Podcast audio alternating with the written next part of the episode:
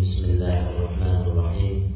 إن الحمد لله نحمده ونستعينه ونستغفره ونعوذ بالله من شرور أنفسنا ومن سيئات أعمالنا. من يهده الله فلا مضل له ومن يضلل فلا هادي له. وأشهد أن لا إله إلا الله وحده لا شريك له. وأشهد أن محمدا عبده ورسوله. أما بعد السلام عليكم ورحمة الله وبركاته bugun shanba kuni alloh subhanahu va taoloning tavfiqi bilan yana islom odoblari darsligiga jamlanib o'tiribmiz men bu darslikni avvalo o'zimga manfaatli bo'lishligini va qolaversa sizlarga manfaatli bo'lishligini va mana bu darsligimiz faqat allohning roziligi uchungina bo'lishligini so'ragan holatda darsni boshlaymiz. Biz avvalgi darslikda aytganimizdek ramazon oyining yaqinlashganligi munosabati bilan biz ramazonga tayyorgarlik ko'rgan holatimizda bu darsligimizni duolar bobiga ajratamiz dedik. və Allahın tövfiqi ilə inşallah gələsi dərsligimizni Ramazan və Ramazanın adablarına həzrətimiz deyəcəyik. Çünki Ramazanı əvvəlki sələf-i salihlər iştiyaq bilən, intizar olub, müştaq olub, 6 ay əvvəl küçüşən. Allahümme بارك لنا في شعبان في رجب وشعبان وبلغنا رمضان bizni rajab oyida va shabon oyida oyiga muboraklik qilgin va ramazonga bizni yetkazgin deb duo qilishgan ya'ni ikki oy avval rajab va shabon oylarida muboraklik qil ramazonga bizni yetkazgin deb duo qilishgan demak ular duoni fazlini bilishgan. Ular ramazonga avvaldan tayyorgarlik ko'rishgan. Bizga o'xshab ramazon bugun kiradimi yo ramazon bo'lib qoldimi deb ramazon kirganini ham bilmay qoladigan darajada ahamiyat qilmaydigan bo'lib qolmagan. Ramazonni shunchalik tayyorgarlik bilan kutgan. Yoki bu yilgi ramazon oyi o'tgan yilgi ramazonga o'xshagan bir xil tarzda ramazon kirsa ertalab ovqatni yaxshilab mixlab yeb olib kechgacha qorinni oshqozon hazm qilolmasdan kech payt yana iftorlikka borib mixli qilib ovqat oshqozonni to'ydirib bu kambag'alni ham holatini bilmay ro'za nima ekanligini bilmasdan yana kechasi tarovehni o'qib kelib qo'yib uxlab to azongacha azon bo'lgandan keyin yana xuddi shunaqa o'tib ketaverganmi? Yoki bo'lmasa bu yil biz ramazonga o'zgacharoq tayyorgarlik ko'ryapmizmi? Ramazonga bu yil men o'tgan yilgi ramazonimga afsuslanaman o'tgan yilgi ramazonda duo qilishlik qanaqa ekanligini men bilmay o'tkazib yuboribman bu ramazon oyini. Namoz o'qish nima ekanini bilmay o'tkazib yuboribman ramazon oyini. Avvali bu rahmat avvalgi oy o'n kunlik rahmat o'rta oy mag'firat oxiri itqun minan niron jahannamdan insonlarni ozod qilinadigan kunlari ramazon oyi. Mana shu shunday eng ulug' kunlarga men qanday tayyorgarlik ko'ryapman? Mana bu hozirdan har bir kishini ya deydi arablarda qani edi har bir kishini o'zini bir mundarija qilib bir varaqga tushirib ramazonni birinchi kuni men Mən amanam buna o işlərini qılamam. Qurandan 5 para, 10 para işləmən, oxuyman və keçəsi durub taravihdən keyin qiyamülləl qılamən. Bizim məscidlərimizdə tündə durub namaz oxuşuruq Ramazan aylarında yox olub getən bir urf adətlərdən. Biz taravih oxuyuruz, qiyamülləl, yəni tündəsi durub təhəccüd deyilən nəsəyə əhəmiyyət qılmayırıq. Ramazan ayında bu taravihin özü bilən kifayələnilməkdir. Ramazon oyini kelib tunda turib tahajjud o'qib mana shunaqa narsalar bilan o'tkazish kerak. Ramazonni buzib qo'yadigan amallarni qilib qo'ymang shuning uchun biz har birimiz o'zimiz ramazondagi qilinadigan ishlarimizni bir varaqqa hozirdan tushirsak yaxshi bo'lardi. Avvalgi o'tgan ramazonga o'xshab xato bilan avvalgi o'tgan ramazonga o'xshab nadomat bilan ramazondan chiqib ketishdan avval ramazonni biz yaxshi bir istiqbol bilan kutib olsak va ramazonga tayyor bo'lib shu narsalarga o'zimizni tayyorlasak yaxshi bo'ladi bu darslikka kelasi inshaalloh bu mavzuga kelasi darslikda to'xtalamiz. Bugungi mavzuyimiz duo va duo odoblari. Chunki ramazonda qilinadigan ibodatlarning aksariyati duoga taalluqlidir. Chunki iftor vaqtida ro'zadorning bir vaqti borki shu iftor vaqtida qilgan duolari allohni huzurida qabul bo'ladi.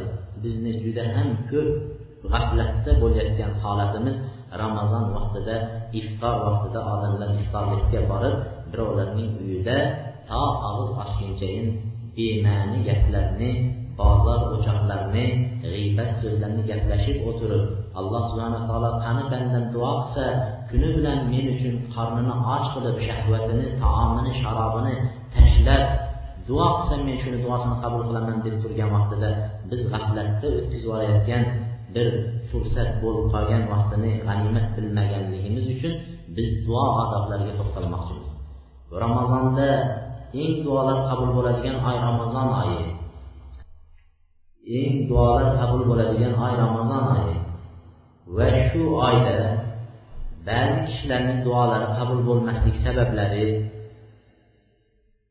va duolarni qabul bo'lishlik shartlari mana shularga bugungi darsligimizda allohning izni bilan to'xtalib o'tamiz. Biz avvalo duo degan vaqtimizda duoning fazli haqida suhbat qilamiz. Chunki har qanday kitobni ochadigan bo'lsangiz avvalo qaysi temada qaysi mavzuda gapirmoqchi bo'lsangiz uni fazlini keltiradi olimlar. Fazli haqida gapirgan. Chunki bir narsani fazlini bilmaydigan bo'lsangiz siz u narsaga ishtihod qilib kirishmaysiz bir narsani fazlini bilganingizdan keyin u narsaga yeng shimarib qo'l bog'lab bel bog'lab shunga kirishasiz shuning uchun olimlar duoni fazlini aytishgan. Duoning eng birinchi fazli alloh subhanahu va taolo deydi. Qur'oni karimni eng avvalo birinchi surasini duo bilan boshladi va oxirgi surasini ham duo bilan tugatdi deganlar misol uchun fotiha surasini oladigan bo'lsak qur'onni eng birinchi surasi alhamdulillahi robbil alamin ar rohmanir rohim va bu oxirigacha qaraydigan bo'lsangiz shuncha maqtov hamdu sano qiyomat kunining podshohi yagona sensan senga hamdlar bo'lsin maqtovlar bo'lsin deb butun maqtovlardan keyingi kelinayotgan narsa mustaqim. Bizni to'g'ri yo'lga hidoyatlagin deb duo qilyapmiz so'rayapmiz. To'g'ri yo'lga yo'llagin deb biz allohdan so'rayapmiz. Demak biz har bir namozlarimizda qo'shayotgan fotiha surasi va qur'onning birinchi varag'ida turgan sura duo bilan boshlangan. Va shuningdek qur'onning eng oxirgi xotimasi bo'lmish qul auzu bi robbin nas surasi ham bu duo bilan allohdan insu jinlarning yomonliklaridan panoh so'rab allohdan so'rashlik bu ham duo bilan tugatilgan demak duoning bizning shariatimizda islom shariatida manzilati juda ham katta chunki alloh taolo qur'onni duo bilan boshladi va duo bilan yakunladi duoning fazilatining ikkinchisi alloh subhanahu va taolo qur'oni karimda duo kalimasini ibodat deb ismladi demak duoga qo'lini ochib o'tirgan kishi go'yoki u bir namozda turgan kabi ibodat qilayotgan kishiga o'xshab savob ajrda bo'ladi uni ustiga yana uni so'rayotgan narsasini alloh subhana taolo beradi demak buni alloh subhana taolo qur'onda duoni ibodat deb ismladi وقال ربكم ادعوني استجب لكم innal ladina yastakbiruna an ibadati sayadkhuluna jahannama dakhirin. Alloh taolo aytdiki robbingiz aytyapti aytyapti. Menga duo qilinglar sizlarni duoinglarni qabul qilaman. Kim meni ibodatimdan takabburlik qilib yuz o'girsa deydi ya'ni duodan yuz o'girsa duoni arzimagan narsaga aylantirayotganlar duoni yuz o'girgan kishilar ular jahannamga daxirin sog'irin hol holatda past holatda zalul xorlangan holatda jahannamga kiradi. Deydi bu oyat juda ham katta ma'noni ifodalaydi. Birinchi ma'nosi duoni alloh taolo ibodat deydi shuning uchun biz bir narsaga ahamiyat beraylik. Ba'zi joylarda bir kishilar e, bu duoni ko'p narsalarga o'rinsiz o'rinlarga o'rinsiz joylarga ishlatib qo'yishdan saqlanishimiz kerak. Ba'zi joylarda bozorlarga boradigan bo'lib qolsak bozorlarda arzimagan bir bir o'n tangalik yigirma tangalik narsa uchun biz aytamizki keling shuni arzonlatib bering men sizga duo qilib qo'yaman deymiz. Ya'ni ibodatni sizga buraman degan bir ma'no chiqadi duo qilib qo'yaman deydi shu vaqtda haligi odam g'azabi chiqib turgan bo'lsa yoki boshqa bo'ladigan bo'lsa duoyingizni menga keragi yo'q deydi. Men sotayotgan narximni bering deydi. Demak biz shu odamni duoni puflab tashlashligiga duoni bir chaqaga olmasligiga sabab bo'lib qolyapmiz bu haligi duodan yuz o'girib kibrlik qilgan kishilar jahannamga har holatda kiradi degan bir oyatga o'sha odamni olib kelib qo'yyapmiz shuning uchun iloji boricha duoni har o'rinsiz joylarga ishlataverishdan odam ehtiyot bo'lishi kerak. Keyin agar bir odam haqiqatdan ham fazil egasi bo'lgan odamlar duo qilaman deb qolsa duo menga keragi yo'q uni duosi degan kalimani ishlatishdan inson saqlanishi kerak. Chunki bu duo ibodatdir. Uchinchi foydalari uchinchi fazli duoning uchinchi fazli alloh subhanahu va taolo mo'minlarni sodiq mo'minlarni sifatlagan vaqtda ularni alloh subhana taolo ko'p ibodatlari bilan yo boshqa narsalari bilan aytmadida ularni duo qilishligi bilan maqtadi. Demak eng yaxshi mo'minlarni alloh taolo maqtaganda nima bilan maqtadi? Duosi bilan maqtadi. Alloh taolo aytyaptiki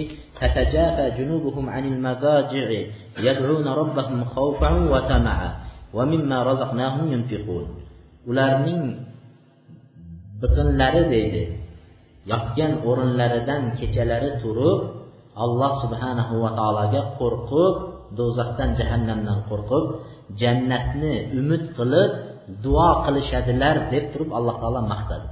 Mo'minlarni haqiqiy mo'minlarni maqtaganda nima bilan maqtadi? Ular kechalari turib duo qiladiganlar deb maqtadi. Demak bu duoning fazli uchinchi fazli. To'rtinchi fazli لو لم تكن للدعاء من الفوائد إلا قربك من مولاك تعالى لكفى agar duoni hech qanaqa foydasi bo'lmaganida deydi duoni hech qanaqa foydasi bo'lmay faqatgina alloh taologa yaqinlik hosil qilishlikgina bo'lsa deganlar shuni o'zi duoning fazliga kifoya qilardi deganlar demak inson nima deyapti alloh subhanava taolo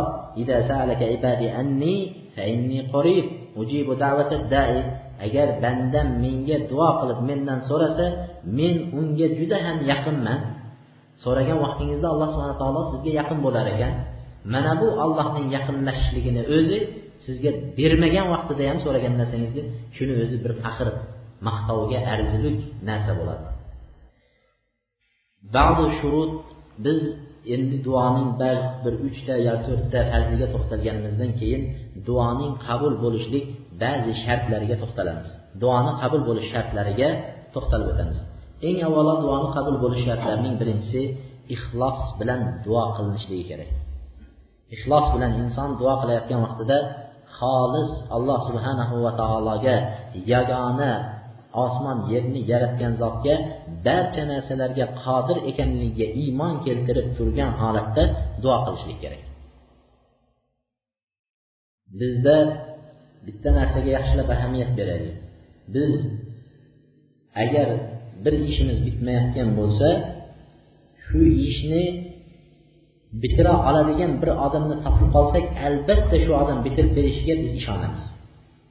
Va aytamizki yuzda yuz ishonavering shu ish bitadigan bo'ldi deymiz. Chunki paloncha tanishni topdik shu ishni bitirib beradi deb aytamiz. Lekin duo qilayotgan vaqtda biz o'shanchalik iymon bilan ishonch bilan duo qilmaymiz. Hammamizda topilib turgan hozirgi vaqtdagi topilayotgan narsa duo qilgan vaqtda haligindaqa ishonish bilan ishni bitiradi degandaqa ishonish bilan biz alloh taologa duo qilmaymiz. Duoda qabul bo'larmikin yo'qmikin? Hozir hech kimni duosi qabul bo'lmayapti degan bir shak shubhada turgan holatda duo qilamiz. Birinchisi ixlos alloh subhana taologa ixlos qilib yagona alloh taolo duolarni qabul qiladi degan niyatda alloh subhana taologa duo qilishlik. Ikkinchisi duolarning qabul bo'lish shartining ikkinchisi al mutabaa bu e, duolar rasululloh sollallohu alayhi vasallam bizga o'rgatgandaqa yo'llar bilan duo qilishlik. Bu barcha ibodatlarda barcha ibodatlarda bizni matlub ya'ni bizdan talab qilingan. Biz ibodatni o'zimiz xohlaganday yoki biz mahallamizda o'rganib ko'rganimizday yoki falonchi odam shunaqa qilardi deb turib emas biz ibodatni rasululloh sollallohu alayhi vasallam qanday qilardi deb turib so'rab shunday ibodat qilishimiz kerak.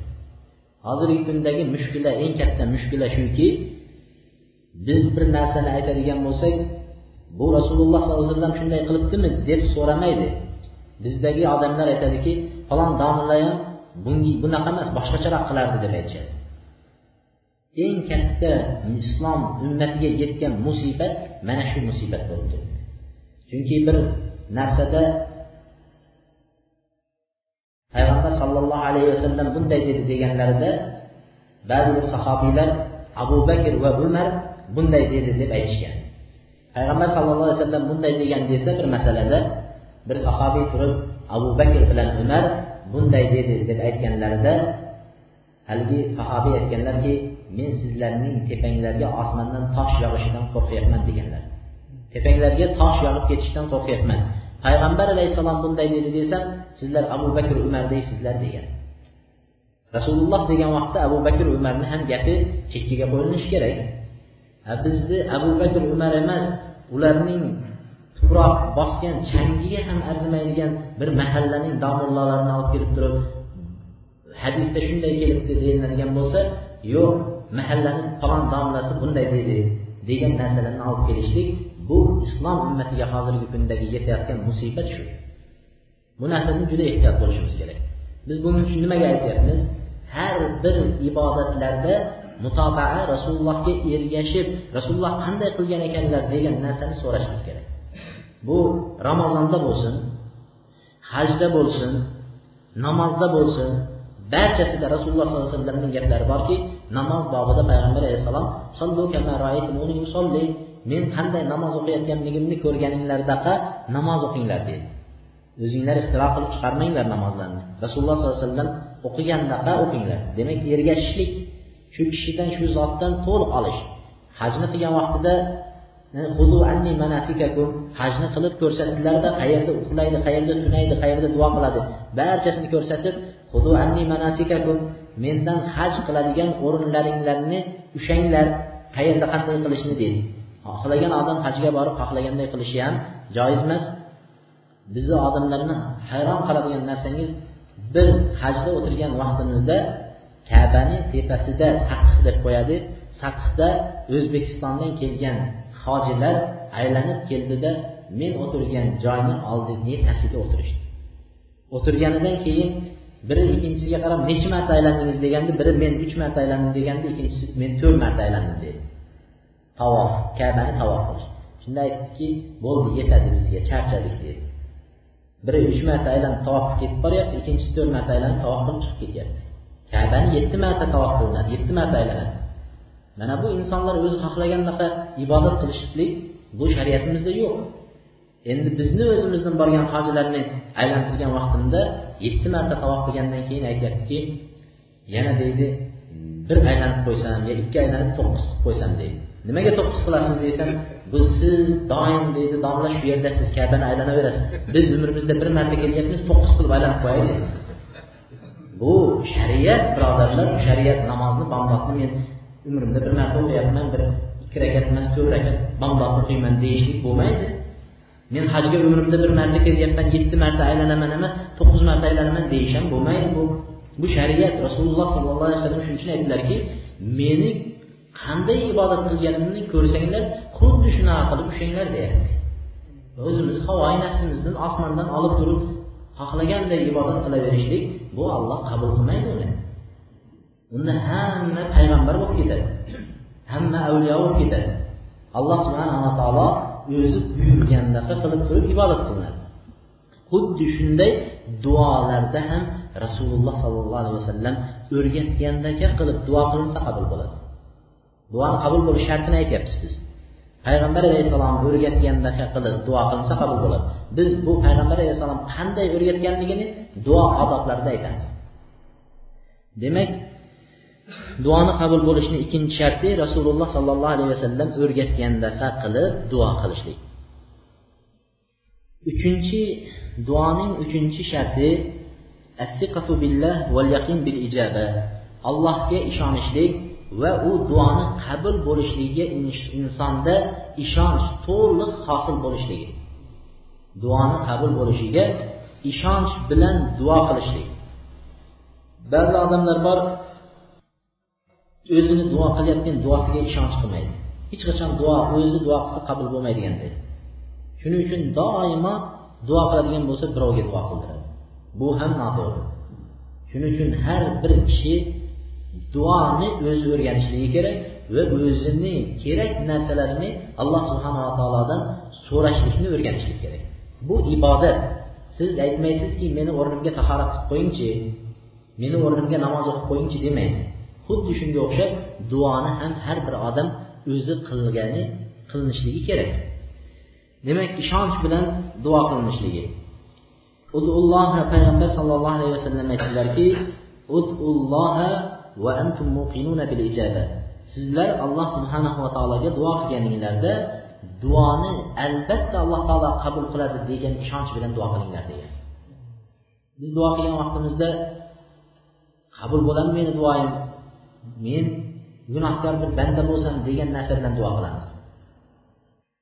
To'rtinchi shartlari bu to'rtinchi sharti hudurul qalb val xushu duo qilgan vaqtda duoni qabul bo'lish shartining to'rtinchisi duo qilayotgan vaqtda qalb allohga bog'langan bo'lishligi kerak. Duo qilayotgan vaqtda qalb allohga bog'langan bo'lishligi kerak. Shuning uchun payg'ambar sollallohu alayhi vasallam bizga duolarni har xilini o'rgatgan. Misol uchun biz namozda takbir aytib qo'limizni bog'laganimizdan keyin subhanakallohumma va bihamdika va tabaraka ismuk va taala jadduk va la ilaha g'ayruk deb duo qilamiz. Lekin boshqa bir duolarni ham o'rgatgan.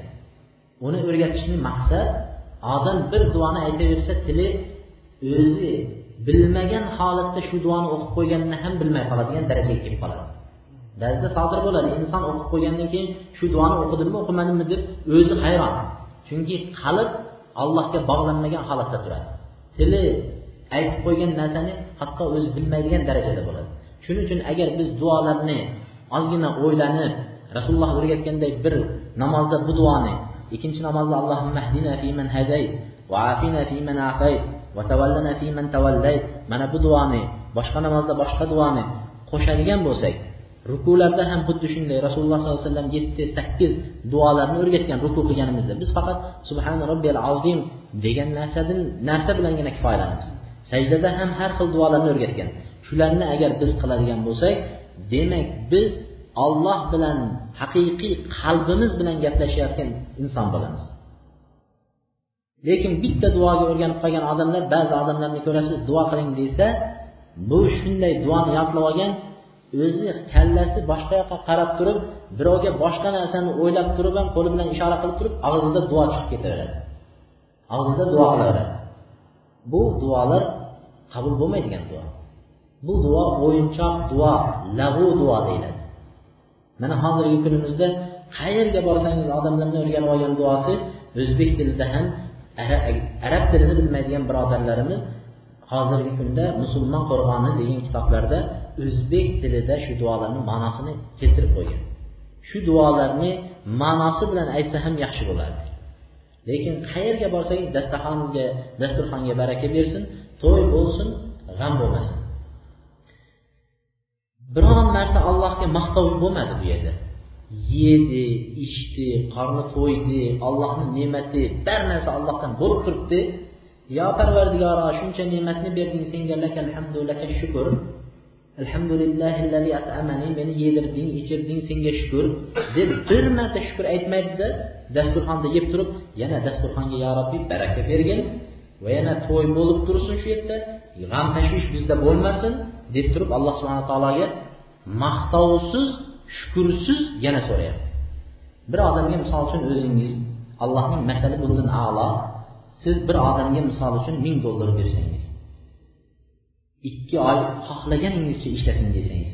Xohlagancha ishlatgandan keyin sizni oldingizga kelsada haligi odam aytsaki siz mana ming dollarni bergan edingiz lekin hozir menga yana ikki ming dollar qo'shib berasiz desa nima bo'lasiz ya sizga bir maqtov aytmasa ya sizga shukur aytmasa rahmat aytmasa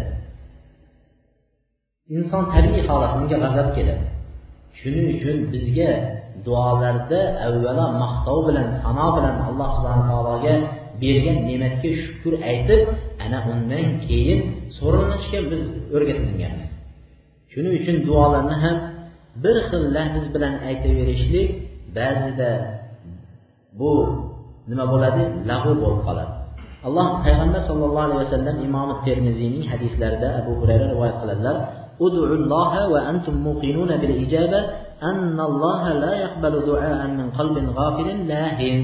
alloh subhanava taologa sizlar duo qilganda aniq uni ijobat qilishiga ishonib duo qilinglar va alloh taolo dedilar g'aflatda bo'lgan lahin ya'ni o'yini hayoli boshqa joyda bo'lib turgan qalbdan hargiz duoni qabul qilmaydi dedi.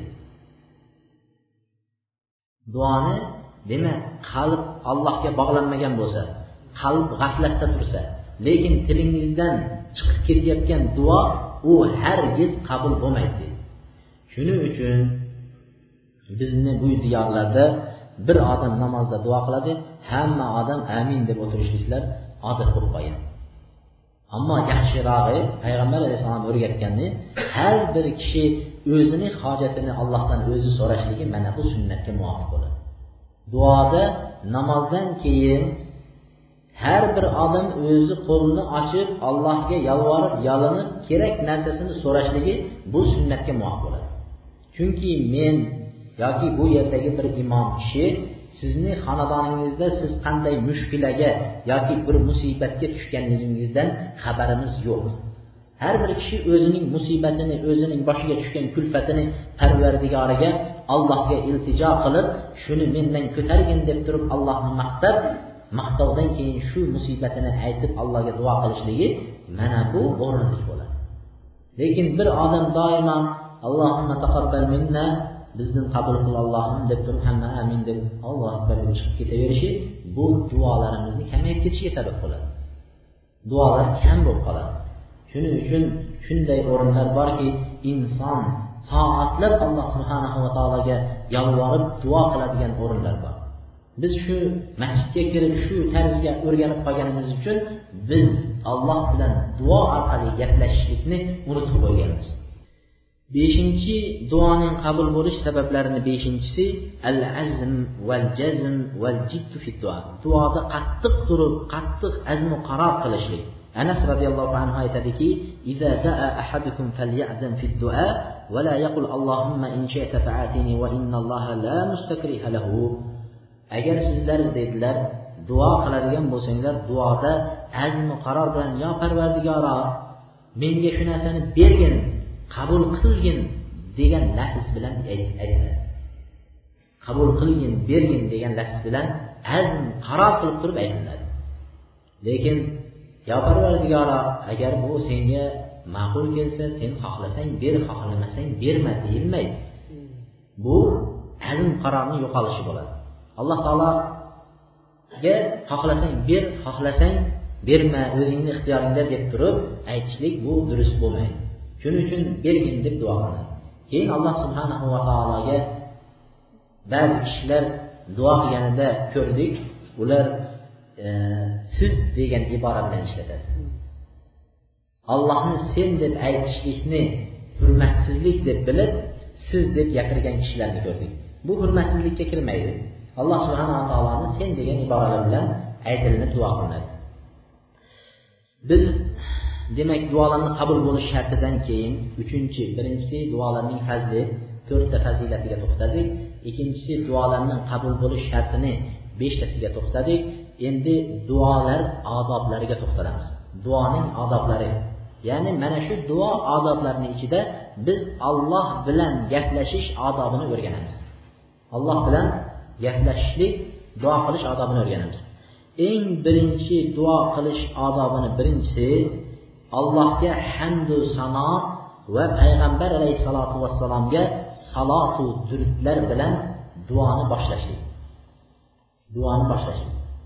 va duo tugayotgan vaqtida ham hamdu sanolar bilan va salovat bilan payg'ambar alayhissalomga salovat etish bilan duoni tugatishlik mana bu duoning qabul bo'lishligiga ham bir sabab bo'ladi demak birinchi duoni odobi hamdu sanolar bilan duo qilishlik an ali ali ibn abi tolib roziyallohu anhu قال كل دعاء محجوب حتى يصلى على محمد وعلى آل محمد صلى الله عليه وسلم ali roziyallohu anhu aytganlar har qanday duo payg'ambarga salovat aytilinmagan duolar bu mahjub to'silingandir deganlar qabul bo'lmaydi degan demak bizni duolarimiz qabul bo'lmayotgan shartlari sabablarini biri duolarimizda salovat aytmaganligimiz va allohga hamdu sano aytmaganligimiz عن عبد الله بن مسعود رضي الله عنه قال كنت أصلي والنبي وأبو بكر وعمر معه فلما جلست بدأت بالثناء على الله ثم على النبي ثم دعوت لنفسي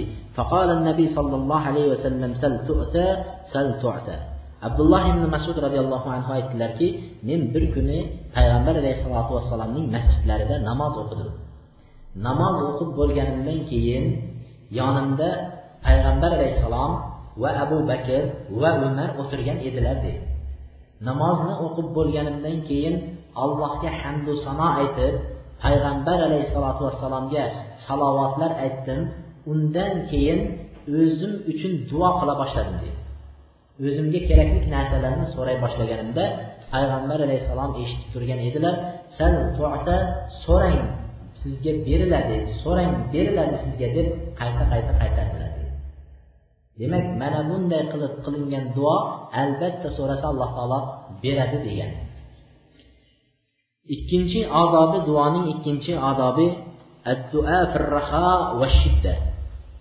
Duo qiyinchilik vaqtida hamma duo qiladi. Qiyinchilik kelgan vaqtda yo alloh yo robbim deb turib barcha odamni tiliga birinchi keladigan narsa allohning ismi keladi. Lekin raho inson behojat bo'lib turgan vaqti barcha narsa yetarli bo'lib sog' salomat boy badavlat bo'lib turgan vaqtida ko'p odamlar duo qilishdan g'aflatda bo'ladi hamma narsa yetarli. Shuning uchun duo qilishdan g'aflatda bo'ladi shuni ulamolar aytadiki duoning ikkinchi odobi inson hamma narsa yetarli bo'lib turgan vaqtda ham duo qilishligi mana bu qiyinchilik kelgan vaqtda duo qilsa duosi qabul bo'lishligiga sabab bo'ladi. Ammo barcha narsa bo'lib turganda duo qilmay qiyinchilik kelganda duo qilsa uni duosi qabul bo'lmaydi. Bunga dalil payg'ambar sollallohu alayhi vasallam aytdilarki man sarrahu an yastajiba lahu inda shadaidi wal karab wal kurab falyuksir du'a fil raha kimni qiyinchilik vaqtlarida alloh taolo duosini qabul qilishligi xursand qilsa dedilar u behojat bo'lib turgan vaqtlarida ko'proq duo qilsin dedilar. Boshiga musibat kelmay turgan vaqtlarida ko'proq duo qilsin qiynalgan vaqtda duo qilsa alloh taolo qabul qiladi dedilar. Ikkinchisi yunus alayhissalomni bu hammamizga ma'lum qissalari yunus alayhissalomni kiyib yutgan vaqtlarida baliq yutgan vaqtlarida u kishini alloh subhanahu va taolo duolari ko'p duolari sababli uning qornidan najot berib qutqarib oldi alloh taolo aytdiki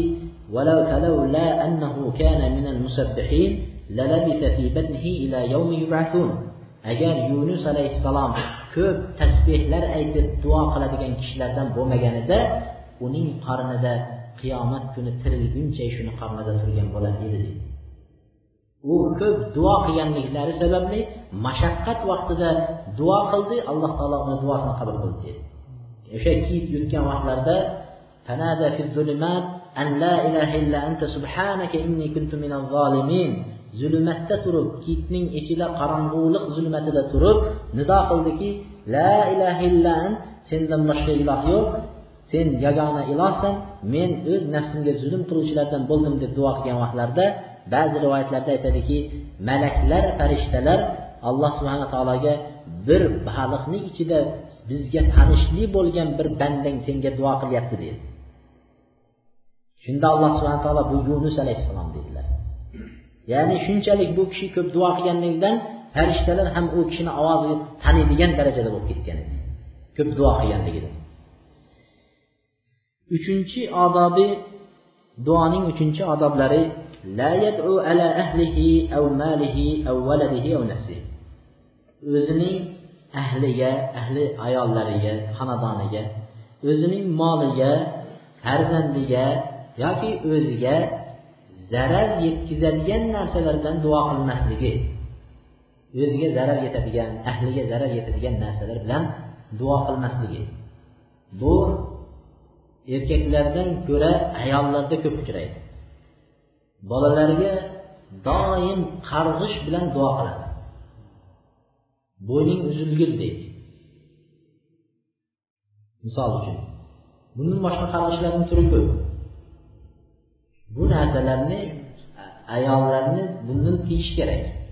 Inson o'ziga o'zi yoki o'zining farzandiga o'zining topgan molini yo'qolib ketishiga zarariga duo qilishlik bu aslida aql bilan ham to'g'ri aqlga ham to'g'ri kelmaydigan narsa. Bizda xabaringlar bo'lsa kerak e, mana shu ba'zi bir o'zbek tilidagi qarg'ish degan bir kichkina kitobcha tarjima qilindi.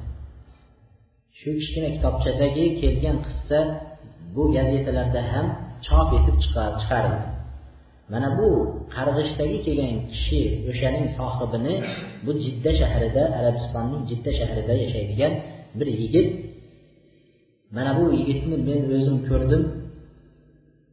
Mana bu nogironlar kalaskasiga uzun yotqizib taxta qo'yib shunga yotqizib qo'ygan qo'li ham oyog'i ham hech qayeri hatto kallasi ham qimirlamaydi. Faqatgina shunday termilib yotadi xolos. Buni payg'ambar alayhissalomning masjidlariga ziyoratga olib kelishganda shu yerda men shu kishi bilan uchrashdim. Mana bu kishining hayoti juda o'zi e, sport nimalari bilan shug'ullangan yigit o'n sakkiz yigirma yoshga kelgan vaqtlarida bolalar bilan o'zining o'rtoqlari ulfatlari bilan o'ynab keyin uyga kirganda cho'ntagidan hmm, zajigalka yerga tushdi shunda dadalari qayerdan olding? deganlarida o'rtoqlarimniki edi dedi. Aytdiki sen e, populus chekyapsanmi? dedilar. Deganlarida yo'q men unaqa qilmayapman bu o'rtoqlarimniki deganda o'rtoqlaring seni cho'ntagingga solib qo'yibdimi? Agar yolg'on gapirsang bo'yning uzilsin dedi. Dadasi agar yolg'on gapirsang bo'yning uzilsin dedi. Bir soat uyda o'tirdim choy ovqatni ichib keyin tashqariga o'rtoqlar bilan chiqib basseynga deydi cho'milishga borib shu yerda sho'ng'idimda deydi to'g'ri borib boshimni shu nimaga urib bo'yni uzilib ketdi shu yigitni shu aytadiki men dadamning qarg'ishiga qolgan yigitman deydi doim dadasi bilan ham ko'rishgan vaqtlarda dadasi ham yig'lab men nima uchun o'g'limni shunday qarg'ish bilan qarg'ib qo'ydim dedilar. Bir aytgan og'izdan chiqqan duo dadaning duosi farzandning butunlay nogiron bo'lishiga sabab bo'ldi. Mana bu o'n sakkiz yoshlarda bo'ladigan bo'lsa yana o'n sakkiz yil umr ko'rdi hozir o'ttiz ikki o'ttiz uchlarda o'ttiz beshlardami shunday mana shu yigit dadasini qarg'ishida qolganman deydi. Lekin bir xursand bo'ladigan joyim deydi men dadam menga rozi bo'ldi deydi. Men sendan roziman dedi deydi. Va men shu vaqtda ibodat qilib allohni yaxshi tanimagan ekanman. Endi haqiqatdan ham qalbim bilan bog'lanib allohga ibodat qilyapman deydi shunda hozir shu kishi yotgan joyda odamlarni da'vat qiladi. Ota onanglarni qarg'ishiga qolmanglar ota onanglar qarg'ib qo'ymasin deb turib doim duo shunaqa da'vat qiladi. Bu kishidan so'ragan vaqtlarida siz nima narsani orzu qilasiz deganlarida u kishini aytgan gaplarini agar imkoni bo'lsa o'sha qarg'ish degan kitobchani o'qib chiqsanglar bo'ladi. Shu aytgan gaplardan biri qani edi alloh subhanahu va taolo? deydi. Meni qo'limni harakatlantirib qo'ysa qur'oni karimni o'zim varaqlab varaqlarini ochib lazzat bilan o'qisam qani edi deganlar. Bir umidim shu deganlar. Qur'onni harakatlantirib qo'limni qo'ysa shu qur'onni ochib o'qisam deganlar. Ikkinchi orzuyim shu qo'limni bir soatla harakatlantirsak bir kunda o'sha o'zimni terlayotgan terlarimni artib qichishga qichiyotgan joylarimni qashib olsam qani edi degan.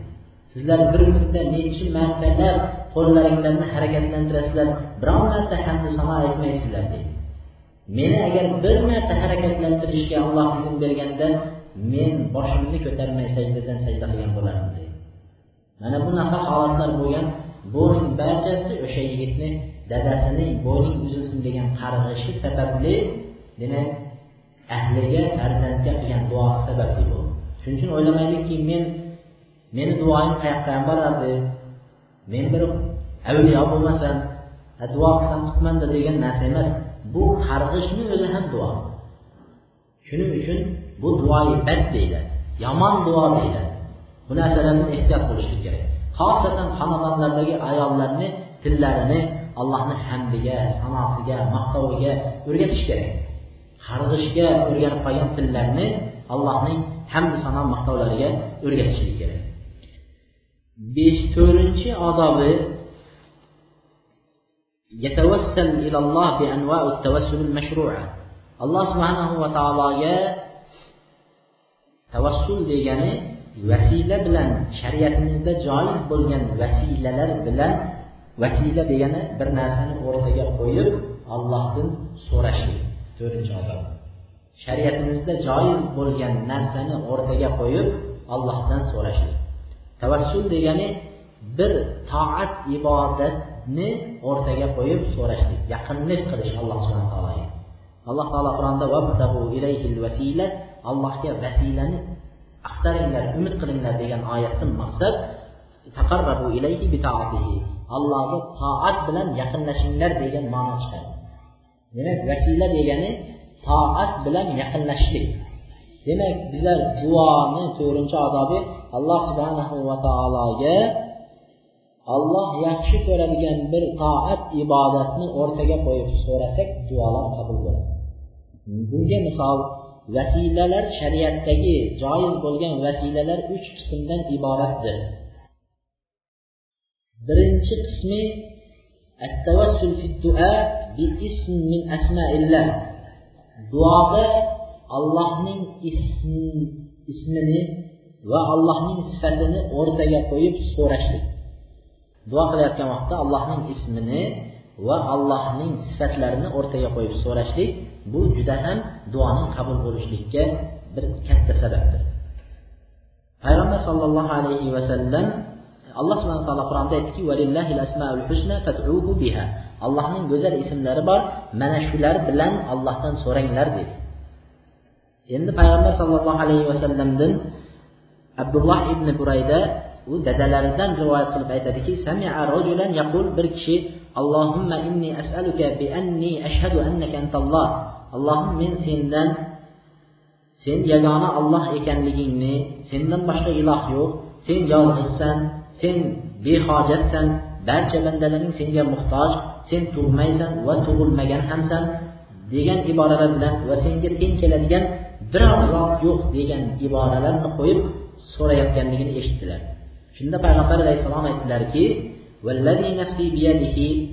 men nafsim uni qo'lida bo'lgan zotga qasam ya'ni allohga qasamki bu kishi dedilar allohning eng buyuk ismlarini o'rtaga qo'yib so'radi.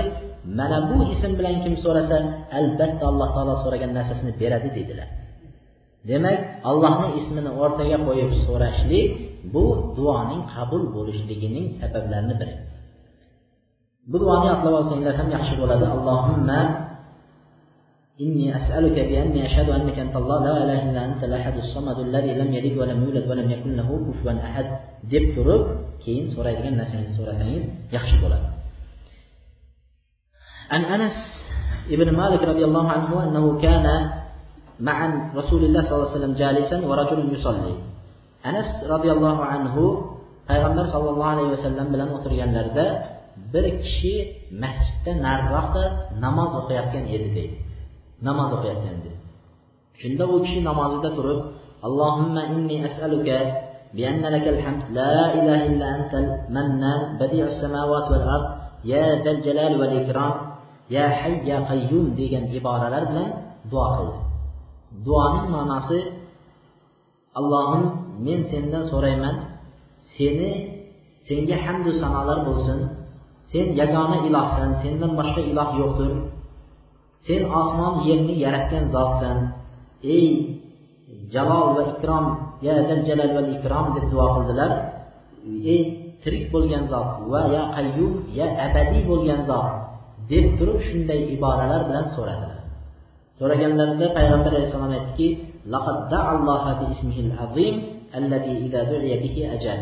allohning eng buyuk ismlarini o'rtaga qo'yib so'radi. Ana u bilan so'rasa alloh taolo albatta beradi. Shuning uchun biz duolarimizda ozgina alloh subhana taoloni ismlarini ham o'rganishimiz kerak.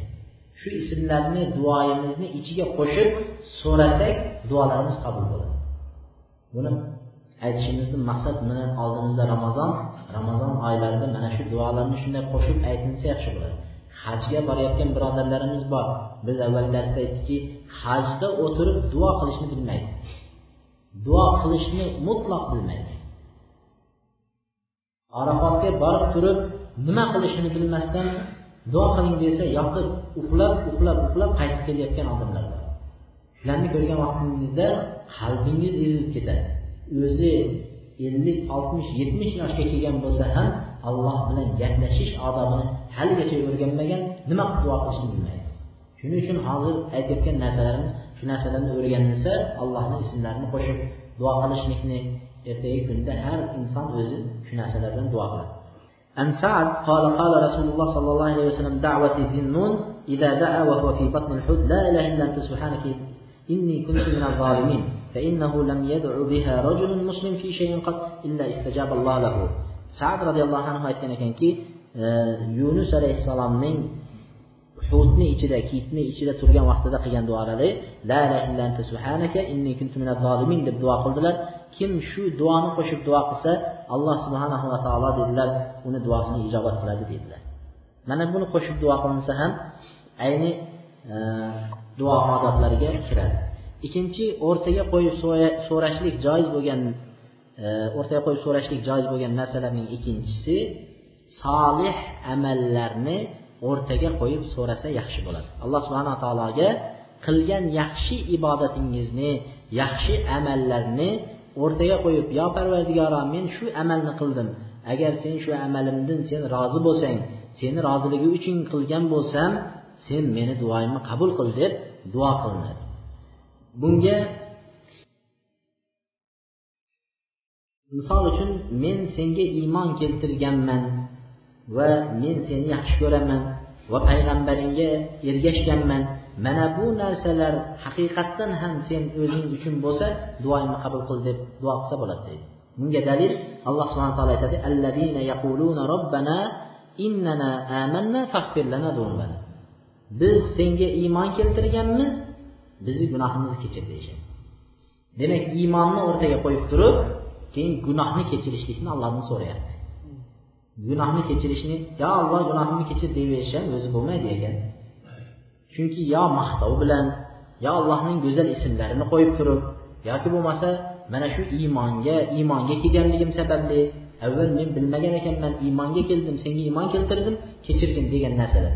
Yoki seni muhabbatim sen seni yaxshi ko'rishligim sababli kechirgin deyishlik. Yoki bo'lmasa payg'ambarga ergashganligini o'rtaga qo'yib so'rashlik.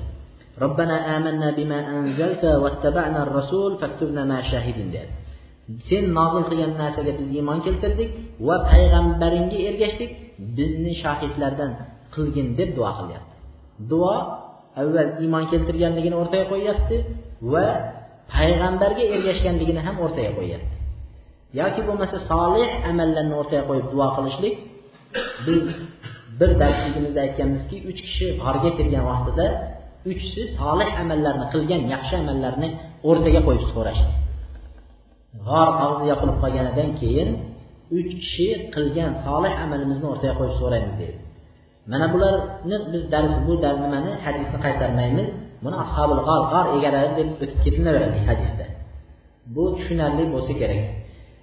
Endi bu yerda bir narsa borki bular solih amallarni o'rtaga qo'yib so'rashgan lekin biz hozirgi kunda juda ko'p odamlarga aytilinadigan bo'lsa siz solih amalingizni o'rtaga qo'yib allohdan so'rang alloh beradi desa unda hayotiga bir nazar soladigan bo'lsa hayotidagi oltmish yillik lahza e, umrni bir lahzada ko'zini oldidan o'tkazadi.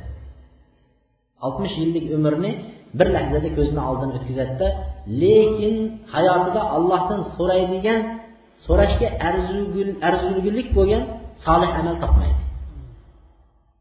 Hammamizni hayotimizda shunday. Bir allohga yo parvardigoro mana shu qilgan ishim sen uchun edi shuning uchun meni mana bu duoyimni qabul qil deyishga arzugulik bir ibodatimiz yo'q. Hamma o'zini sahifasini o'tgan hayotini varaqlab ko'rsin. Men mana shu ibodatimni haqiqatdan alloh meni ibodatim maqtovga arzugulik shunda duo qilsam alloh qabul qiladi deydiganlar juda kam.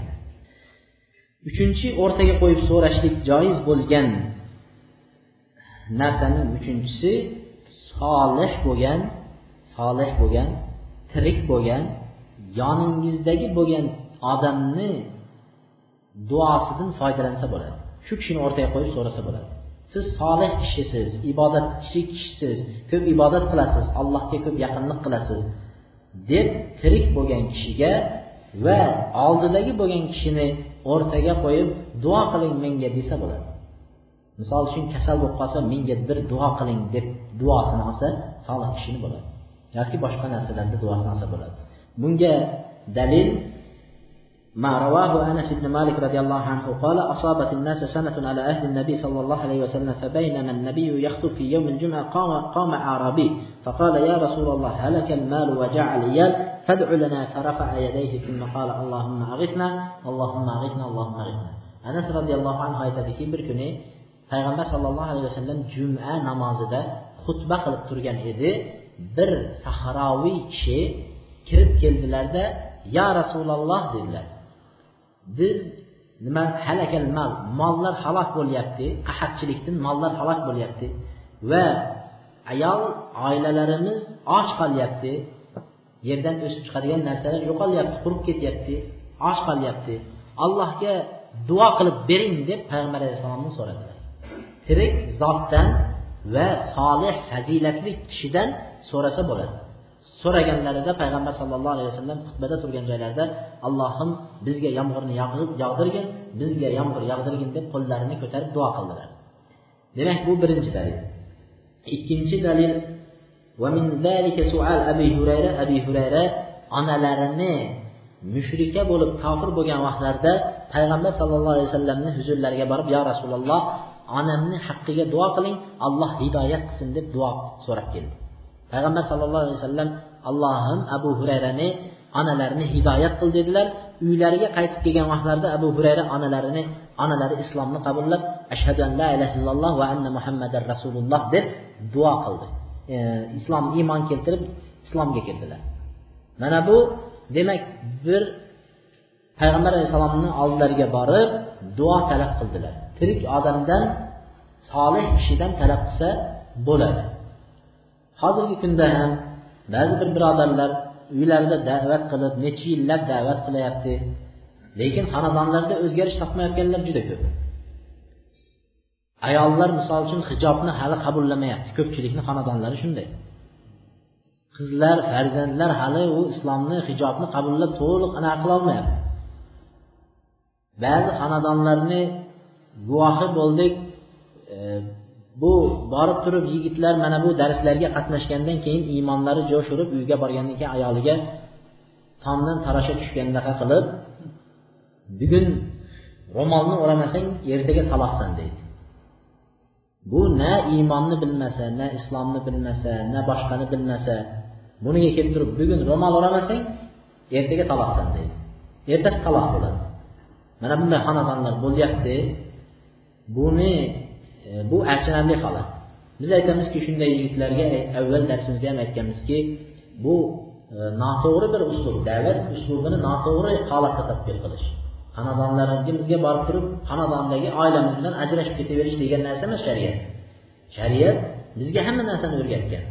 Avvalo o'shalarni sekin ahli ilmlarni oldilariga olib borib shu hijobda bo'lgan ayollarga qo'shib shunaqa bir e, muhit deydi shunaqa bir odamlar bilan aralashtirib ana undan keyin ularni haqqiga yillab duo qilib ana shunday qilsa alloh subhana taolo ajab emaski unga hidoyat bersa abu hurayra o'zi sahobiy bo'la turib rasulullohni oldilariga keldi onamga hidoyat bersin duo qiling deb keldi. Borish kerak solih kishilarni oldiga borib meni ayolimga meni singlimga meni opamga onamga duo qiling alloh hidoyat bersin deb duo qilishni so'rashlik kerak.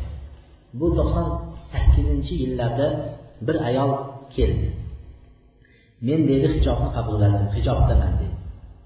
Lekin dedi mening kuyovim erim doim bu to'ylarga borsa billa o'ynaymiz men sen bilan o'ynashdan or qilaman deb to'yga ketayotgan vaqtlarda meni ro'molimni yirtib olib tashlaydida meni yetaklab chiqib boradi dedi. Men shu erim bilan yashasam bo'ladimi yoki men erimdan taloq so'rab chiqib ketaymi dedi shu vaqtda bizni ba'zi bir ustozlar bor edi shu yerda e, dars berayotgan arab mamlakatidan kelgan ustozlar bor edi. Biz bu voqeani o'shalarga aytdik. Aytgan vaqtimizda ular aytishdiki yo'q bu ayol sabr qilsin eriga duo qilsin dedilar. Bu to'qson yetti to'qson sakkizinchi yilgi voqea. Biz bu orada bir necha yillar bo'lmay keyin ikki ming qancha ikki ming to'rt ikki ming beshinchi yillarda kelsak o'sha ayolning eri juda ham besh vaqt namozni o'qiydigan dinda mustahkam yigitlardan biri bo'lib chiqibdi. Hozir qur'on o'qib payshanba dushanba kungi ro'zalarni hech kim tutmasa ham shu yigit hech qachon tashlamay ro'za tutib yuribdi. Ana shunday duo qilsin deganda ayoli duo qilib alloh taolo uni duosini qabul qildi. O'sha xonadon ajralib ketmadi. Balki birlashib islomiy xonadon bo'ldi. Ularning oilalari barchasi hijobdagi islomiy xonadonlarga aylandi. Shuning uchun biz aytmoqchi bo'lgan narsamiz bu duo e, hidoyat so'rashlik solih kishilarni oldiga borib so'rashlik. Biz o'zimiz biron marta oilamizga farzandimizga duo qilmaganmiz yo solih kishilarni huzuriga borib duo qildirmaganmiz. mana bu narsa ham bir sunnat amallari ekan duo qilinayotgan vaqtda solih amal solih kishilardan borib so'rashligi yaxshi ومن ذلك أن عمر بن الخطاب كان يطلب من العباس عم النبي صلى الله عليه وسلم payg'ambar sallallohu alayhi vasallam tirikligida sahobiylar rasululloh sollallohu alayhi vasallamdan duo qiling derdilar payg'ambar alayhissalom vafot etganlaridan keyin umar ibn hattob payg'ambar alayhissalomning amakilari abbosga siz duo qiling siz payg'ambar alayhissalomni amakisi siz duo qiling yomg'ir yog'ishligiga deb abbosni o'rtaga qo'yib duo so'raganlar. Demak tirik odamdangina hozir bo'lib turgan odamdan so'raladi. Ammo buni biz shart qilib qaytarayotganimiz o'liklardan hech qachon duo talab qilinmaydi. O'liklardan duo talab qilinmaydi. Chunki ular o'lgan va qodir emas o'sha duolarni qabul qilishlikka qodir emas ular. Ular tirik odamlarning duosiga muhtoj bo'lib yotgan kishilar qabrida. Har qanchalik payg'ambar bo'lmasin har qanchalik avliyo bo'lmasin har qanchalik karomat egasi bo'lmasin ular barchasi qabrda musulmonlarning duolariga muhtojdir. Ular ham o'limdan qo'rqishgan biz sahobiylarning hayotlarini to'xtaladigan bo'lsak sahobiylar o'lim vaqtida yig'laganlar. Abdullah ibn Abbasning mübarək gəpləri ölüm vaxtında yığılaganda shunda cariyələri ey Abdullah ibn Abbas siz ölümdən qorxub yığılayasınız deyənlərdə yox men bu axirətə getəyəmən lekin juda ham zodiraham meni olib ketayotgan narsam kam. Allohni oldiga borganda qanaqa qilar ekanman? degan narsalarni aytishib yig'lashgan ular. Demak hammasi o'limdan qo'rqishgan oxiratdagi qabrdagi holatim nima bo'lar ekan savol javob nima bo'lar ekan deb qo'rqqan kishilar. Ular men o'lgandan keyin qabrga boraman orqamdan duo qilinglar yoki mendan so'ranglar men sizlarga ijobat qilaman demagan hech biri shuning uchun har bittasi tiriklarning duosiga muhtoj kishilar. Beshinchi odobi duolarning beshinchi odobi al i'tirofu bizzambi va ni'ma hali duo demak beshinchi adobi gunohni e'tirof qilib turgan holatimizda allohni ne'matini ham e'tirof qilib turgan holatda duo qilishlik duo qilgan vaqtimizda gunohlarimizni eslab o'zimizni past olib allohni bergan ne'matlarini ko'p ekanligini zikr qilib turib duo qilishlik. Mana bu duo sayyidul istig'for deydi. Istig'forni tavba qilishlik anaqalarini eng sayyidi bo'lgan duoda mana shu ma'nolar kelgan. Allohumma anta robbi la ilaha illa anta khalaqtani va ana abduk va ana ala ahdika va mastata'tu mana shu duo oxirigacha xuddi biz aytgan narsalarni o'z ichiga olgan endi mana shuni yodlab olsa yaxshi bo'ladi. Biz duo odoblariga to'xtalyapmiz chunki rasululloh sollallohu alayhi vasallamdan kelgan duolarni zikr qilib o'tyapmiz ba'zilarini. Shularni yodlab olinsa yaxshi bo'ladi. Chunki mana bu yerda ham keltirib qo'yilgan ekan. Mana bu duo o'sha biz aytayotgan hozirgi duo mana shu duo. Bu sayyid istig'for duosi deyiladi. Bu duoni kim deydi ertaman. Muqinan biha shunga iymon keltirgan holatda aytadigan bo'lsa va kechgacha o'ladigan bo'lsa deganlar min ahli janna u jannat ahlidandir degan. Kim kech payt aytib to ertamangachayin jon taslim qilsa u jannat ahlidandir degan. Jannatdan hech narsa to'smaydi faqat o'lim to'sib turadi degan. Mana bu duoni doim musulmon kishi aytib yurishligi kerak. Shuning uchun shu duolarni yodlab olishlikka ahamiyat berib bugundan boshlab rasulullohdan vorid bo'lgan duolarni yodlashlikka harakat qilishlik kerak. Yettinchi beshinchi oltinchi odobi duoning oltinchi odobi raful ayadi duo duo qilgan vaqtda inson qo'lini ko'tarib duo qilishlik. Qo'lini ko'tarib duo qilishlik deganda farz namozlardan keyin qo'lni ko'tarib duo qilishda ixtilof bo'lgan yoki bo'lmasa barcha odamlar qo'l ko'tarib duo qilib turib bir odam duo qilib boshqalar amin deb turishlikda ixtilof bo'lgan ekan. Yaxshisi har bir kishi o'zi qo'lini ko'tarib sunnat o'qisangiz ham tahiyatul masjid o'qisangiz ham tahorat namoz o'qisangiz ham zuho choshgoh namoz o'qisangiz ham namozdan keyin o'zingiz qo'lni ko'tarib turib duo qilib turganligi yaxshi bo'ladi. Masjidga kelgan vaqtda mana birodarlarimizni bilamiz ba'zi kishi sunnatni o'qib qo'yadida boshqa birodarlarni kutib turiladi ba'zi odamlar tasbehlar aytib o'tiradi. Yoki ba'zi odamlar indamasdan jimjit o'tiradi. Shuni o'rniga ikki rakat har qanday namozdan keyin qo'lingizni ko'tarib duo qilsangiz shu yaxshi. Ikki rakat namozdan keyin qo'lni ko'tarib turib duo qilganligi yaxshi bo'ladi. Ammo jamoat holatda duo qilinishlikka bu qur'onni hatm qilgandan keyin jamoat holatda duo qilishlikka hadislar kelgan ekan.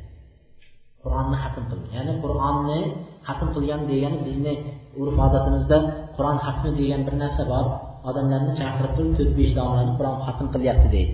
Bu hatm hatm emas birinchidan hatm buyurdim deydi. Qur'on hatm qilishga buyurdim deb qo'yishadi. Bu narsalar noto'g'ri iboralar bilan aytilayotgan narsa. Chunki domla shu bizga misol uchun birovlar qur'on xatm qilib bersangizda bizni xudoyimizga borib keyin siz qur'on o'qib bersangiz deydi.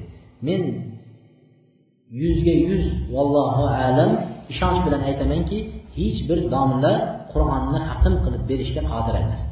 Hammasi azondan kechgacha ish bilan mashg'ul. Hech biri xatm qilmaydi qur'onni. Va shu yerdagi domlalarni aksaridan so'raydigan bo'lsangiz qur'onni bir yilda necha marta xatm qilasiz desa bir marta desa xursand bo'lasiz. Endi o'ylang kunda uch marta to'rt marta birovlarnikida xudoy bir kunda xudoy bo'lyapti bu domlalar bir kunda to'rt marta qur'onni xatm qilib chiqishga to'g'ri keladi. Bu xatm xatm degan narsa emas. Qur'onni xatm degani bir odam qur'onni o'qib turib xonadonida har kuni o'ziga bir e, nima qilib qo'yadi? Shart qilib qo'yadi. Men har kuni bir pora qur'ondan o'qiyman deb shart qiladi. Bomdod namozini o'qib kelgandan keyin dunyo ishiga qo'l urishdan avval bir pora qur'on o'qimay turmaydi. Demak u har kuni bir poradan o'qiydigan bo'lsa o'ttiz kunda ya'ni bir oyda bir marta qur'onni xatm qilib turadi. Mana bu eng dangasa odamni ishi eng dangasa odamni ishi shu. Lekin salaf solihlar kunda bir kunda xatm qilgan. Imom shofiy bir kunda to'rt marta ham xatm qilgan ekan. Bir kunda to'rt marta qur'onni boshidan oyog'igacha o'qib chiqqanlar. Mana shu e, abu dardo allohu alam agar adashmagan bo'lsam bu kishilar uch kunda qur'onni xatm qilib turganlar. Uch kunda xatm qilib turganlar. Mana shuning uchun eng dangasa odamni qur'on xatm qilishligi bir oyda bir marta xatm qiladi. Xatm qilgandan keyin xonadonini yig'ib solih kishilarni bilan birga o'tirib xonadonida alloh subhanava taolodan so'rab turishligi duo qilib so'rashligi yaxshi degan ekanlar chunki bu vaqtda qanchayam farishta tushib o'sha qur'on hatm bo'lgan kuni nima qiladi deganlar e, duo qilib turadi degan. Biz bunga inshaalloh ertaga keyingi darsligimizda ramazon anaqasida to'xtalamiz. Demak qo'llarni ko'tarib duo qilishlik e, bu salmon roziyallohu anhu aytadilarki payg'ambar sollallohu alayhi vasallam aytdilar inna robbakum tabarak va taala hayyun karim hayyun karim yastahi min abdihi idza rafa yadayhi ilayhi an yaruddahuma safra alloh taolo uyaluvchi zot karim zotdir. Agar sizlarni biringlar qo'linglarni osmonga ko'tarib duo qilsanglar uni bo'sh qaytarishdan uyaladi degan. Shuning uchun inson qo'llarini ko'tarib duo qilishligi bu durust va odobga to'g'ri keladi. Keyingisi la yatadi yettinchi odobi duoda juda oshirib yubormaslik. Duoni o'zini odobi bilan to'xtalish oshirib yubormasligi. Qanday oshirib yubormasligi?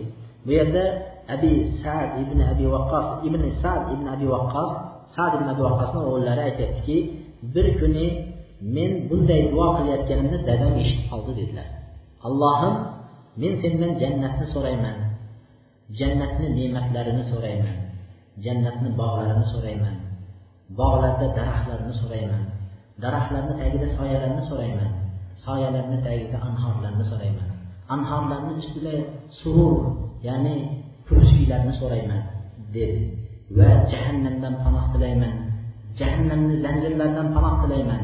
Jahannamni o'tlaridan panoh tilayman deyayotganini eshitdilarda dadasi aytdi nima qilyapsiz bolam? dedilar. So'rayotgan nimasini eshitib nima qilyapsiz? dedilar.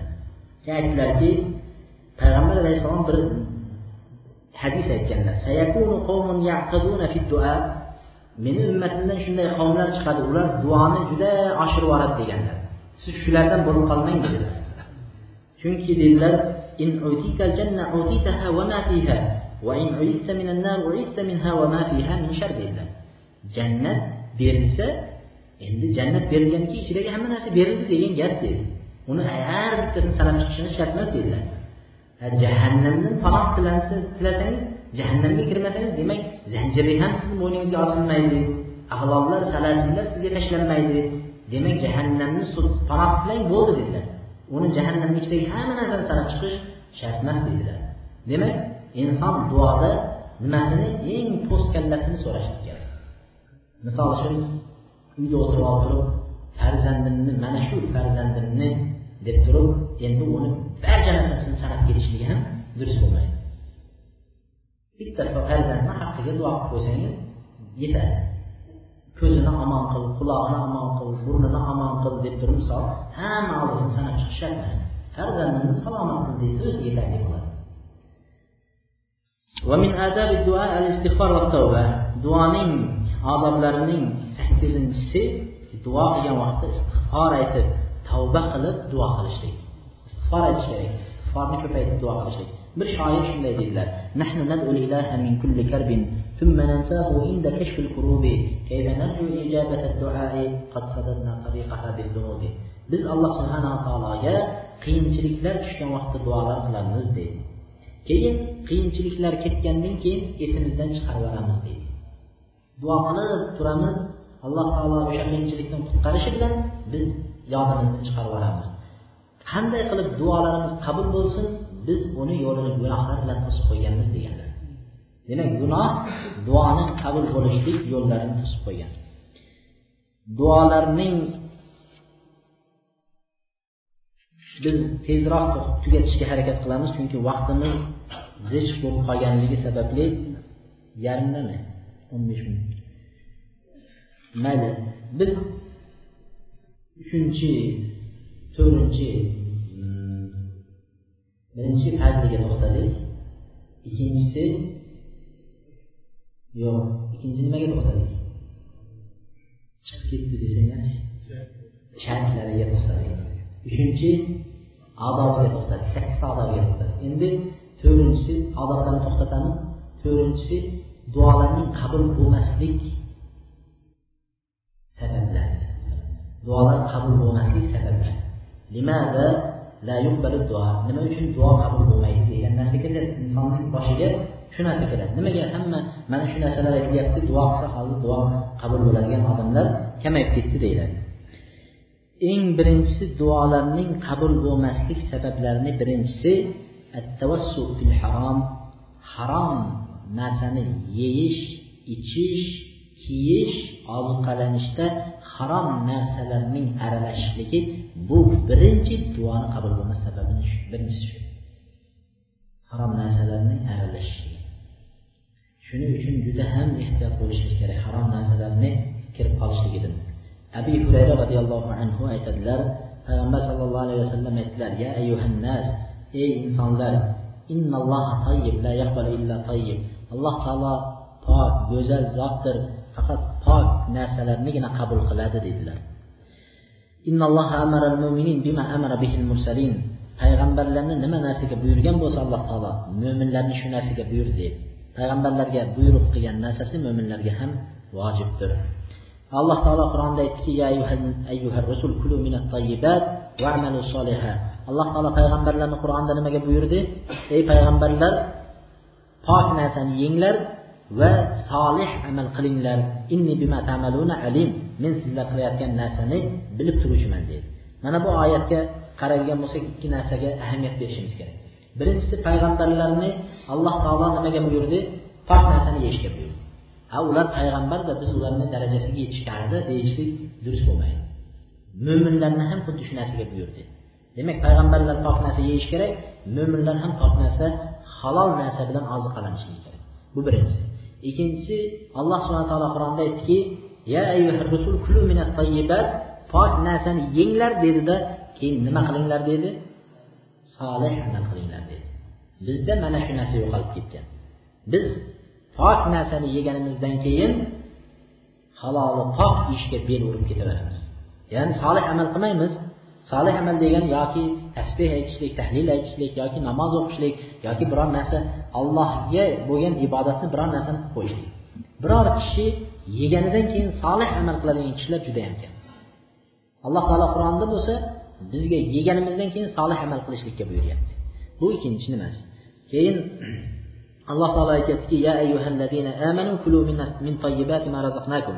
Biz sizlarga rizq qilib bergan narsalarni pokini halolini yenglar deb alloh taolo buyurdi. Keyin bir kishini zikr qildi. Payg'ambar alayhissalom bir kishini zikr qildilar. Yutilu safar safarga chiqadi deydi. Uzoq safarlarga chiqqan ashat ag'bar sochlari to'zib ketgan tuproq bo'lgan deydi. Va qo'lini osmonga ko'taradi. Ey robbim ey robbim deydi deydi. Aslida kim safarda bo'lsa musofirni duosi qabul bo'ladi. Demak qabul bo'ladigan shartlar hammasi bor. Musofir bu kishi. Sochlari to'zib ketgan holatda turib duo qilgan kishini bu tavozu holatda turib duo qilgan kishini alloh taolo duosini qabul qiladi. Xosatan ba'zi o'rinlarda shunday holatda bandasini alloh taolo ko'rishni yaxshi ko'rar ekan. Misol uchun ramazon oyida ertamanda og'izni yopib kech paytgachayin biror narsani yemaganlik sababidan oshqozon o'zidan bir hidlar chiqara boshlaydi. Bu hid odamning og'zidan chiqayotganga o'xshagani bilan lekin oshqozondan chiqarilingan hid bo'ladi. Lekin shu hidni alloh subhanava taolo aslida biz mo'minlar poklik narsalarga buyurilganmiz lekin shu o'rinda shu hidni alloh taolo misikni hidini yaxshiroqdir dedilar. Biz aslida misvakni doim ishlatishga buyurilganmiz. Og'izlarimizni poklab hidlarni yo'qotishga buyurilganmiz. Lekin ramazon vaqtida shu hidni alloh subhana taolo yaxshi ko'rdi nima uchun? O'ziga ibodat o'rnida chiqqanligi uchun. Mo'minlar sochlarini tarab pokiza yurishga buyurilgan. Kim degan payg'ambar alayhissalom soch qo'ysa sharahu sochini hurmat qilsin degani ya'ni sochlarini tarab yurishga buyurilgan. Lekin haj vaqtida ashad ag'bar sochlari to'zigan holatda turpoq bo'lgan holatda turib allohga so'rashlikni mana bu o'rinda alloh taolo sevar ekan. Chunki bu allohga ibodat qilish o'rni bo'lganligi uchun shuni sevar ekan demak shulardan olib kelamizki bu kishini alloh sevadigan va duosini qabul qiladigan holatda turibdi. Birinchisi safarda ikkinchisi sochlari to'zigan holatda alloh qabul qiladigan holatda turibdi. Uchinchisi qo'lni osmonga ko'tarib duo qilgan kishini duosini alloh taolo qaytarishdan uyaladi degan hadis. to'rtinchisi kim yo robbiy yo robbiy deb uch martadan aytib duo qilsa alloh taolo qabul qiladi dedi. Bu kishi shu narsani aytib duo qilyapti. Lekin bu insonga dedi duosi qabul bo'lmaydi dedi. Payg'ambar alayhissalom. Shu barchasini jamlagan bilan duosi qabul bo'lmaydi dedi. Chunki dedi harom va mashrabuhu harom va malbasuhu harom va bil harom fa anna yustajabu lidalik uning yeyotgan yemog'i harom ichayotgan ichimliklari harom kiyayotgan kiyimlari harom va oziqasi harom bilan oziqalangan bunga qayerdan endi duosi qabul bo'lsin dedilar. Demak duoning qabul bo'lmaydigan sababning birinchisi haromdan saqlanishlik. Har qanaqa kelayotgan narsalarni shubhalik narsalarni inson tiyilishligi. Abu bakr oysha roziyallohu anhu aytadilar abu bakr roziyallohu anhuning bir g'ulomi bir e, quli bor edi dedi. U quli e, abu bakr roziyallohu anhuga haroj to'lardi dedilar. Ya'ni bir mablag' to'lab turardi. Shunda bir kuni bir mablag' olib kelib abu bakrga berganlarda abu bakr roziyallohu anhu shu narsadan olib bir taom olib kelganlarda shundan yedilar. Taomni olib og'izlariga solgan vaqtlarida haligi quli aytdilarki mana bu taomni dedilar. Mana bu mablag'ni qayerdan topganimni bilasizmi? dedilar. Unda abu bakr aytdiki qayerdan topgansan deganlarida men johiliyat davrida folbinlik qilardim dedi. O'zim folbinlikni bilmaymanu lekin odamlarni folbinlik qilib aldab pulini yig'ardim dedi. Shundan qolib ketgan mablag' mana shu dedilar. Shunda abu bakr roziyallohu anhu qo'llarini tiqib tomoqlariga haligini yutib yuborgan narsani oshqozonlaridan chiqarishga harakat shunda buni ko'rgan sahobiylar ey abu bakr muncha ham o'zingizni qiynaysiz deganlarida yo sen chiqasan yoki meni jonim bilan birga qo'shilib chiqasan deb turib o'zini shunchalik qiynab turib haligi narsani qayd qilib chiqarib tashladilar. Ya'ni uni ichiga harom kirib qolishligi folbinlik kohinlik bilan aldab birovlarni pulini olganligi bu harom narsa uning qarniga kirib qolishligidan qo'rqib duolari qabul bo'lmasligidan qo'rqib shu narsani ishlardan chiqarib tashladi. Rasululloh sollallohu alayhi vasallam sad ibn abi vaqqosga aytgan nasihatlaridan biri ey sad atib matamaka tustajab davatga. Ey sad siz matamingizni yeyotgan narsani pok qiling. Yeyotgan ovqatingizni halol qiling.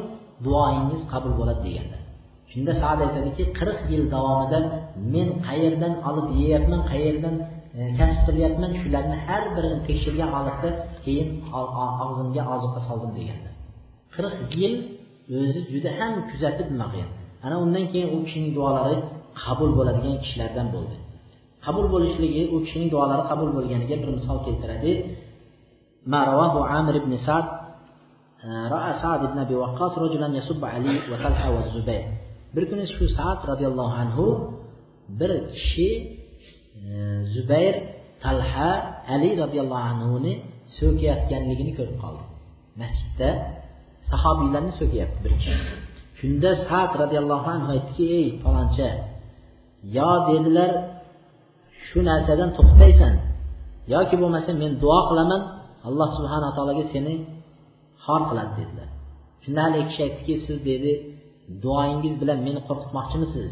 Payg'ambarmidingiz siz dedi deganlarida bu kishi o'rinlaridan turdilarda borib tahorat qilib ikki rakat namoz o'qib qo'llarini duoga ko'tarib yo robbiy dedilar. Mana bu odam dedilar senga yaqin bo'lgan sen yaxshi ko'radigan kishilarni so'kdi dedi. Agar mana bu narsa seni g'azabingni keltirgan bo'lsa mana bu kishini o'zing kifoya qil dedi. Deganlarida deydi tashqaridan bir quturgan tuya yugurib kirdida shu yerdagilarni izlayotgan bir narsa izlayotganday bo'lib keyin haligi kishining huzuriga yugurib kelib tishlab oyoqlari bilan tepalab to u kishini o'ldirib qo'ydi dedilar. Mana bu kishi duolari qabul bo'ladigan kishi edi. Sad ibn abu vaqqos duolari qabul bo'ladigan kishi edi. Chunki u kishi qirq yil davomida halol bilan oziqlangan biz duolarni qabul bo'lmaslik sabablarini ikkinchisi al istijal va tarki duo. Biz shoshib ketamizda duo qilishni tark qilamiz. Duo qildim qildim hech qabul bo'lmayapti deb turib tashlab ketamiz duoni. Mana bu ikkinchi duoni qabul bo'lmas shartlari abu hurayra roziyallohu anhu aytadiki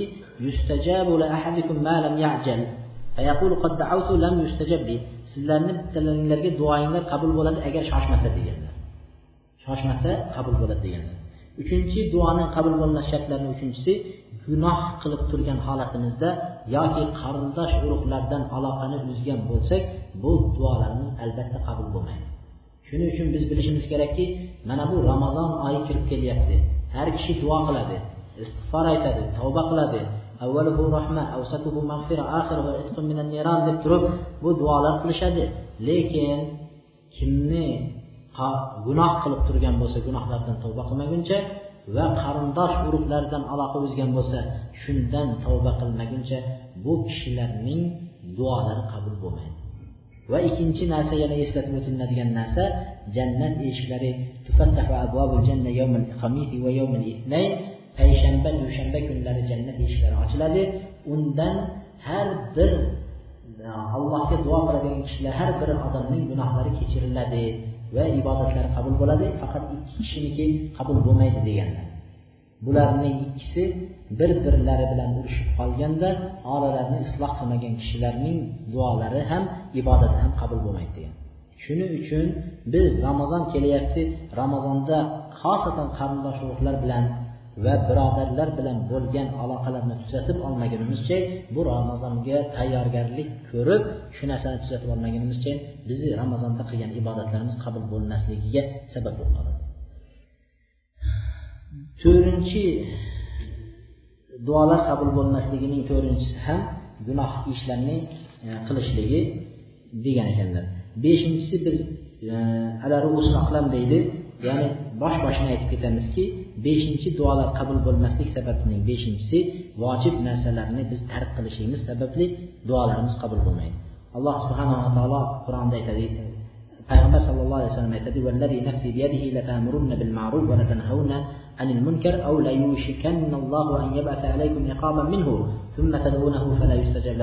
sizlar ma'ruf narsaga buyurasizlar munkarni ko'rganda qaytarasizlar. Agar shunday qilmaydigan qilmaydigan bo'lsanglar alloh subhana taolo o'zini tarafidan bir azobni sizlarga yuboradi. Keyin duo qilsanglar duoinglar qabul bo'lmaydi degan. Bu hadisni men to'xtaganimning sababi hozirgi kunimizda xuddi shu narsa bo'lib turibdi. Ma'ruf narsaga hech kim buyurayotgani yo'q. O'tib ketayotib namozga ketayotib bir odam turgan bo'lsa ey birodar yuring namozga borayotgan edik deb turib hech kim aytmaydi. Qo'shningiz turgan bo'lsa ham namozga ketayotgan edik yuring deb turib aytmaydi. Ma'rufga hech kim buyurmaydi. Munkarni ko'rib tursangiz bir joyda munkar ish bo'lib turgan bo'lsa hozirgi zamonimizda menga nima hozir aytganim bilan qabullarmidi deb turib o'tib ketaveramiz. Mana shunday holatga yetganinglarda dedi alloh taolo sizlarga alloh taolo minhu shunday azoblarni tushirib qo'yadi keyin sizlarni solih ishinglar ham o'rtaga tushib duo qilsa ham endi qabul qilinmaydi dedi hozirgi vaqtda xuddi shunday. Qancha qancha kasalliklar chiqyapti qancha qancha avvalgilarda bo'lmagan narsalar bu hozirgi zamonimizda bo'lyapti. Duo qilsa duolar qabul bo'lmayapti. Bo'lmasini sababi shu. Besh oltinchi duolar qabul bo'lmasligining sababi al hikmatur robbaniya bu ollohning o'zini hikmati bilan qabul bo'lmaydi. Qabul bo'lmasini sababi buni biz bilmaymiz. Alloh subhana taolo o'zining hikmati bilan. Lekin ulamolar buni ba'zi bir narsalarga nima qilishgan ekan e, aytishgan ekanki agar gunoh qilmagan holatda deydi payg'ambar alayhissalom aytadiki bir musulmon kishi gunoh qilmagan holatida va qarindosh urug'idan aloqa uzmagan holatda barcha shartlar to'g'ri bo'lib turib duo qilsa keyin unga e, duo qilsa deydi alloh subhana taolo unga uchta narsani birini beradi degan uchta narsani birini beradi. Birinchisi yoki unga duosini so'ragan narsasini beradi. Bu ko'z bilan ko'radi. Ikkinchisi yoki alloh subhanahu va taolo uni oxiratga olib qo'yadi. Qilgan duosini oxiratda beradi. Bu dunyoda bermasa inson noumid bo'lib qolmasligi kerak. Men so'rayapman so'rayapman hech alloh taolo so'raganini bermadi degan narsa bilan noumid bo'lmasligi kerak. U berilmasa demak uni duosi oxiratda albatta alloh subhana taolo uni beradi.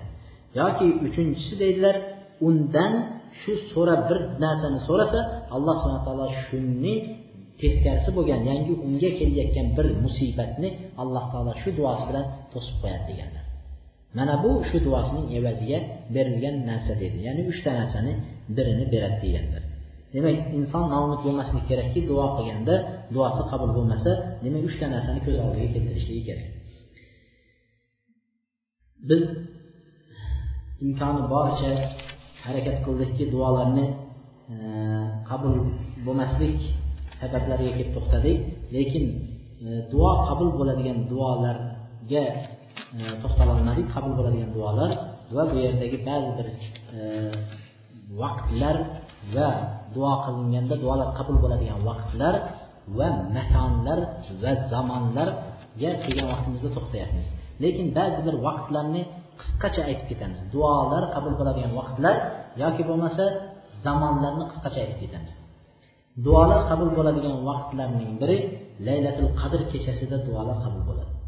Shuning uchun laylatul qadr kechasini g'animat bilishligimiz kerak. Chunki bizni oldimizda laylatul qadr bo'lganligi uchun biz shunga to'xtab qo'yyapmiz. Laylatul qadr deganda biz faqat yigirma yettinchi kechani laylatul qadr deb bilishligimiz noto'g'ri bo'ladi.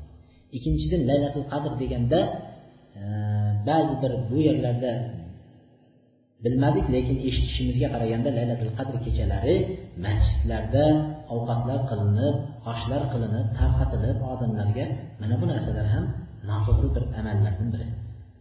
To'g'ri odamlarni masjidga targ'ib qilishlikka bo'layotgan narsa lekin lekin bu kechada ovqat kechasi bilan ovqat yeb chiqish degani emas kechasi bilan ibodat qilib chiqish degani laylatul qadr degani. Shuning uchun imkoni boricha qadr laylatul qadr kechalari masjidlarga kelsanglar kelishdan avval uyda xonadonda ovqatlanib keyin masjidga kelib turib masjidlarda yoki amr ma'riflar bilan ozgina foydalanib qolgan kechalarni namozlar bilan qiroat bilan boshqa bilan o'qilsa yaxshi bo'ladi. Namozni jamoat bilan kechasi bilan o'qisa ham durust bo'laveradi laylatul qadr kechalari. Ikkinchisi laylatul qadr degani faqat yigirma yettinchi kecha degan narsa ham noto'g'ri. Chunki payg'ambar alayhissalom uni aniq aytolmadilar laylatul qadr kechasi payg'ambar alayhissalomga noma'lum bo'lib qoldi. Shuning uchun payg'ambar alayhissalom aytdilarki laylatul qadrni ramazonning oxirgi o'n kunligini tog' kunlaridan izlanglar dedilar. Yigirma bir yigirma uch yigirma besh yigirma yetti yigirma to'qqizinchi kechalari o'tirib chiqilinsa juda ham yaxshi bo'ladi. Laylatul qadr ming kechadan yaxshiroqdir dedi ulamolar ming kechani sakson yillik ibodatga teng kelgan. Ming kecha sakson yillik ibodatga to'g'ri keladi. Shuning uchun besh kun bo'lar ekan. Besh kun. Besh kunlik kunni alloh uchun yoki oxirgi o'n kunni allohning yo'liga sarflab qo'yish uchun hozirdan ishdagi kishilar yoki bir nimadagi bo'lib turgan kishilar ishlarini rejalashtirib qo'ysin. Davlat ishida ishlayotgan kishilar yaxshi bo'lardiki ular bir uzrlar bilan nimaga ofisga olib deymiz bunday aytganda chiqib ketishsin. Shu kechalarni g'animat bilib bir yil davomida nafsimiz uchun oilamiz uchun xonadonimiz uchun ishlaganimiz yetar. Endi bir yildagi o'n kunlik kunni alloh parvardigorimiz uchun robbimiz uchun ajratib qo'yishimiz kerak. Hozirdan shunga tayyorgarlik qilib ko'rinsa yaxshi bo'ladi. Keyin demak laylatul qadr bu oxirgi o'n kunlikda bo'ladi. Shu tog' kunlarda o'tirilgan yaxshi. Laylatul qadrda qilingan duolar qabul bo'ladi deydi oysha onamiz roziyallohu anhu aytdilarki payg'ambar alayhissalomga yo rasululloh agar men laylatul qadr qaysi kuni ekanligini bilsam nima deb duo qilay? deganlarda allohimma innaka afuvun karimun tuhibbul afwa fa'fu anni. Ey allohim sen kechirimlik e, mehribon zotsan meni gunohlarimni mag'firat qil deb duo qiling deganlar.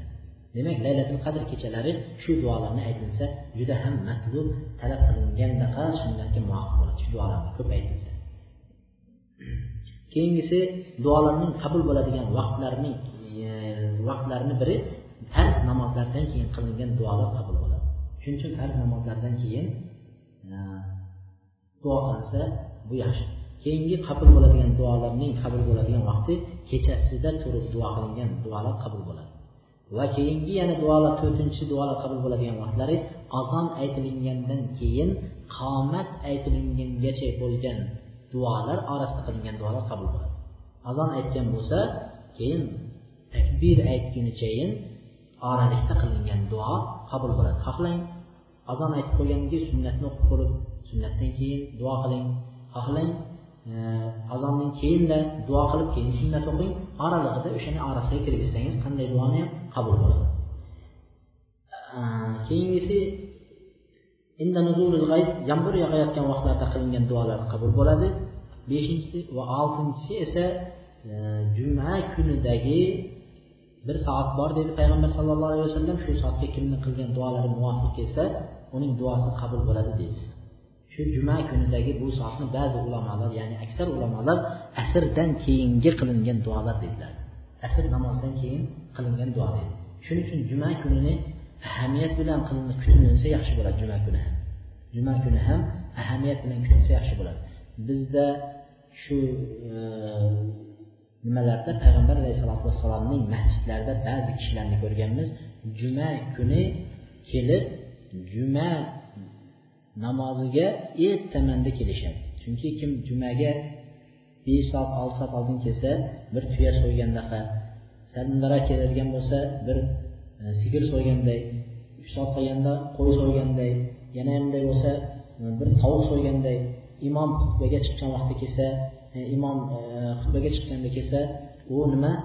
Bir tovuqni tuxumini sadaqa qilgandaqa savob oladi degan hadislarga binoan o'sha kishilar ertaman kelishadi jumaga. To juma namozi bo'lguncha ikki rakatdan namoz o'qishadi. Keyin juma o'qilib bo'lganidan keyin shu joyda o'tirishib to asrgacha namoz o'qib ikki rakat namoz o'qib duo qilib ikki rakat namoz o'qib duo qilib asr namozini o'qishadi. Asrdan keyin asr namozini o'qishib olganlaridan keyin o'tirgan joylaridan jilmasdan shom namozigacha duo qilishadi. Mana shunday odamlarni shu yoqda topasiz. Shuning uchun bu yerlarda ham odamlar shu narsaga o'zini odat qilsa ham yaxshi bo'ladi. Bo'lmaganda umrda bir marta shu sunnatga amal qilib qo'ysa yaxshi bo'ladi. Chunki juma kunida shunday fazilatlari bor. Demak duolarni qabul bo'ladigan vaqtlari sajdada qilingan duolar qabul bo'ladi va arafat kunlarida qilingan duolar qabul bo'ladi. Va tunda inson uyqusidan uyg'ongan vaqtidagi qilgan duosi ham qabul bo'ladi. Uyqudan uyg'onib ketgan vaqtda inson uyqudan uyg'ongandan keyin allohga duo qilsa duosi qabul bo'ladi. Agar tahorat qilib tahorat qilganidan keyin ikki rakat namoz o'qisa u kishining namozi albatta qabul bo'ladi degan ekan.